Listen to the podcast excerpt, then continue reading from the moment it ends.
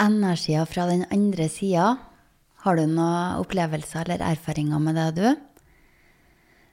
Jeg hadde den første gangen jeg fikk det, det var i, når jeg hadde oppvåkninga mi i 2017.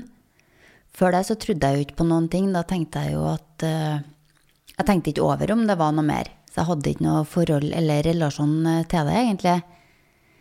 Men den gangen i 2017, når jeg fikk oppvåkninga, så ble jeg jo faktisk kjemperedd for å se energia fra den andre sida. For det var jo egentlig den første gangen at jeg ble bevisst på at vi er så mye mer, både vi og verden, enn hva det jeg trodde fra før. Og den frykten der gjorde jo at jeg lukka meg igjen. For jeg ville som sagt ikke se det. Jeg ville ikke se noe. Jeg var redd for hva jeg kunne se. Hva er det egentlig alt det som jeg har tilgang til? Og så gikk det kanskje to år. Da hadde jeg jobba mye med meg sjøl. Egenkjærlighet, grensesetting. Blitt tryggere i meg sjøl. Og så var jeg mm, En kveld jeg var ute med noen venner. Eller bekjente, var det egentlig. Og så fikk jeg plutselig en beskjed som jeg kjente at dette her må jeg bare nødt til å videreformidle. Jeg aner ikke hva den beskjeden her er, men jeg må bare spørre vedkommende om det. Og hun vedkommende, det var bare en bekjent, så jeg kjente ikke Thea. Og jeg hadde ikke noen forutsetning for å vite om den beskjeden jeg fikk. Og så sa jeg det til Thea, jeg tenkte ikke noe mer over det. Og så ble hun helt uh, satt ut, for det der var en beskjed, det var en uh, beskjed fra to av hennes eh, nære som har gått bort. Og jeg skjønte ikke det helt akkurat der og da. Det var dagen etterpå jeg begynte jeg å tenke hva var det egentlig som skjedde der? Var det en beskjed fra noen avdøde fra den andre sida? Hvordan kom jeg i kontakt med det? Så begynte jeg å bli litt bevisst på det. da. Og så gikk det ei lita stund, og jeg fort, da hadde jeg på en måte åpna opp for det, for da var jeg ikke redd for det noe mer. Da kjente jeg hvordan det føltes å ta imot det, at det ikke føltes noe, det var ikke noe skummelt. Og etter det så begynte jeg å få flere beskjeder til flere folk. En annen gang så var jeg også ute på en restaurant. Det der var veldig rart, egentlig. Jeg satt på en restaurant med noen venner. Satt og spiste mat. Og så var det ei dame, eller ei jente, da, eller jente var kanskje noen 20 år, som gikk forbi meg. Og så kjente jeg bare at handa mi strakk seg etter henne. Tok tak i henne. Bare 'hei'. Ja, hun bare 'hei'. Bare 'ja, hvem er du'? Og så endte det opp med at hun satte seg ned og begynte å prate med meg. Vi begynte å prate sammen, det var kjempekoselig. Og så måtte jeg på do. Og når jeg gikk på do, så kom det til meg bare Det var noe jeg skulle gi til hun dama der. Hva var det jeg skulle gi til henne? Og så kjenner jeg plutselig energien til en eh, mann. Det føltes som en bror eller en onkelfigur. Og da kom, gikk det opp for meg bare Å ja, jeg skal gi henne en beskjed. Det er noe her som skal videreformidles til henne. Så gikk jeg tilbake til der jeg satt, og jeg satte meg ned og så sa jeg til henne du, dette her høres kanskje kjemperart ut, men jeg må bare spørre deg. Kjenner du til Har du en bror eller en onkel eller noen som har dødd for ikke så lenge siden? Og dama ble kjempeoverraska. Hun bare Er det mulig? Jeg har en onkel som døde for tre uker siden, og hun har gått og venta på et tegn ifra han, da. Og det, ble bare, det, det var en veldig sterk opplevelse for meg òg, for da når den slusa der åpna seg, så kom det masse beskjeder til oss som var ment for hun videre på hennes reise. Det var så sterkt og så fint. Og så fortsatte jeg å få inn beskjeder. Jeg visste ikke hva jeg skulle gjøre med alle beskjedene jeg fikk ned, så jeg endte opp med å bare lukke meg helt igjen. Jeg kjente at jeg kan ikke ta telefonen liksom og si at du har en avdød her som har en beskjed til deg. Søke opp fremmede og gi beskjeder. Så det var lettere for meg å lukke meg igjen. Og det som egentlig skjedde, var at jeg glemte den delen der inni meg. Så den ble helt lagt til side i to år. Før eh, jeg fant den igjen. Og måten jeg fant den på, den var også ganske fin og spesiell. Fordi at i 2021 så døde lillebroren min. Han fikk et plutselig hjerteinfarkt. Det her kom jo som et uh, sjokk på oss alle. Og jeg var helt i Jeg var i sjokktilstand, da. I hvert fall den, uh, de dagene og den første uka der. Og jeg hadde jo ikke noe Jeg visste ikke hvordan jeg skulle forholde meg til det. Det var den første ordentlige nære da, i livet mitt som hadde dødd. Og den dagen han ble gravlagt Etter at han ble eh, gravlagt Det var faktisk en veldig fin uh, opplevelse, det med begravelsen òg.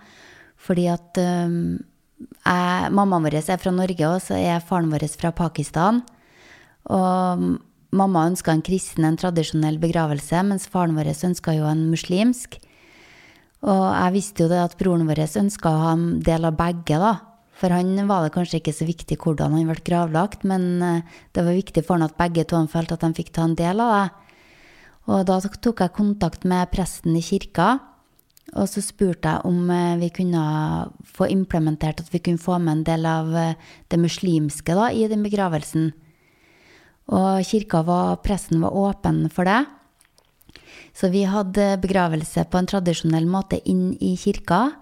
Og når vi gikk ut fra kirka, så avslutt, ble det avslutta på muslimsk eh, måte, da. Med bønn og Så det var veldig fint. Det var liksom to religioner som ble eh, forent i kjærligheten sitt navn. Og på den dagen etter eh, Eller rett etter begravelsen så for jeg hjem og satte meg. Satt på spisebordet hjem og reflekterte over alt som var ugjort mellom meg og lillebroren min. For vi hadde levd veldig forskjellige liv. Han hadde egentlig levd nei, utenfor den boksen helt siden han var ganske ung. Når vi var små, så var vi nær hverandre, og så vokste vi fra hverandre. Han var utenfor boksen egentlig hele tida. Og jeg var veldig opptatt av å passe inn i boksen da, med fasade og alt det som hører til. Og da var det jo naturlig at vi sklei litt fra, fra, hverandre, så vi hadde ikke så mye kontakt. Vi var ikke sånn kjempenær egentlig i voksen alder. Og det, det syns jeg Det var jo en del av den sorgen min, at vi hadde så mye uoppgjort imellom oss. Så når jeg satt hjemme på spisebordet og reflekterte over dette her, så sa jeg i mitt stille sinn Jeg skulle ha ønska at du var her, Jon. Og så hører jeg plutselig Men jeg er jo her, Madeleine. Og det sekundet der så bare åpna alle slusene seg. Jeg kom på den gaven jeg hadde fra før. Jeg kom på at jeg hadde mulighet til å være i kontakt med energier fra den andre sida. Jeg kom på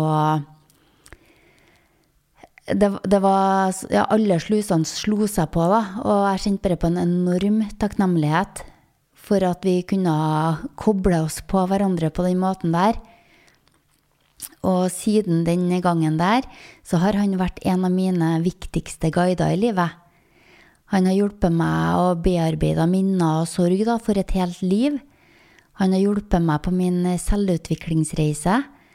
Han har eh, stått der støtt og stødig og gitt meg veiledning og hjulpet meg, rett og slett. Sånn det er nesten som at det er et samspill mellom meg og han, og at vi jobber sammen mot det som, vi, det som er målet vårt, da, men fra hver vår side.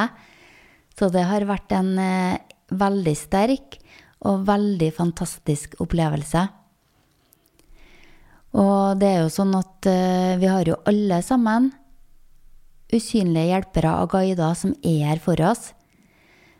Deres høyeste beste er også vårt høyeste beste. Så hva enn det er vi drømmer om og ønsker i livet vårt for oss sjøl som gjør oss lykkelige, så er de her tilgjengelige for oss. Og vi kan koble oss på dem f.eks. med å sette oss, ned, sette oss ned i stillhet og ha en intensjon om å få veiledning fra guidene våre. Og da kan de vise seg i form av uh, tegn, kanskje hjertesymboler eller tallsynkronisiteter. De er her for å minne deg på da, at du har den veiledninga og den guidinga fra inni deg sjøl òg. Så vi trenger ikke å se så mye utover på hva alle andre gjør, for vi har vår egen unike oppskrift. Og um, det er jo eh, en fantastisk eh, gave som vi alle har. Og som vi alle kan komme i kontakt med. Og det er jo forskjellige måter som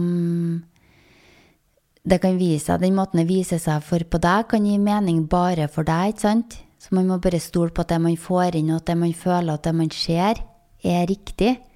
Sjøl om kanskje ingen andre har den samme forståelsen som deg sjøl. Så det var litt mine refleksjoner rundt energia fra den andre sida. Tusen takk for at du har vært med og lytta. Adios!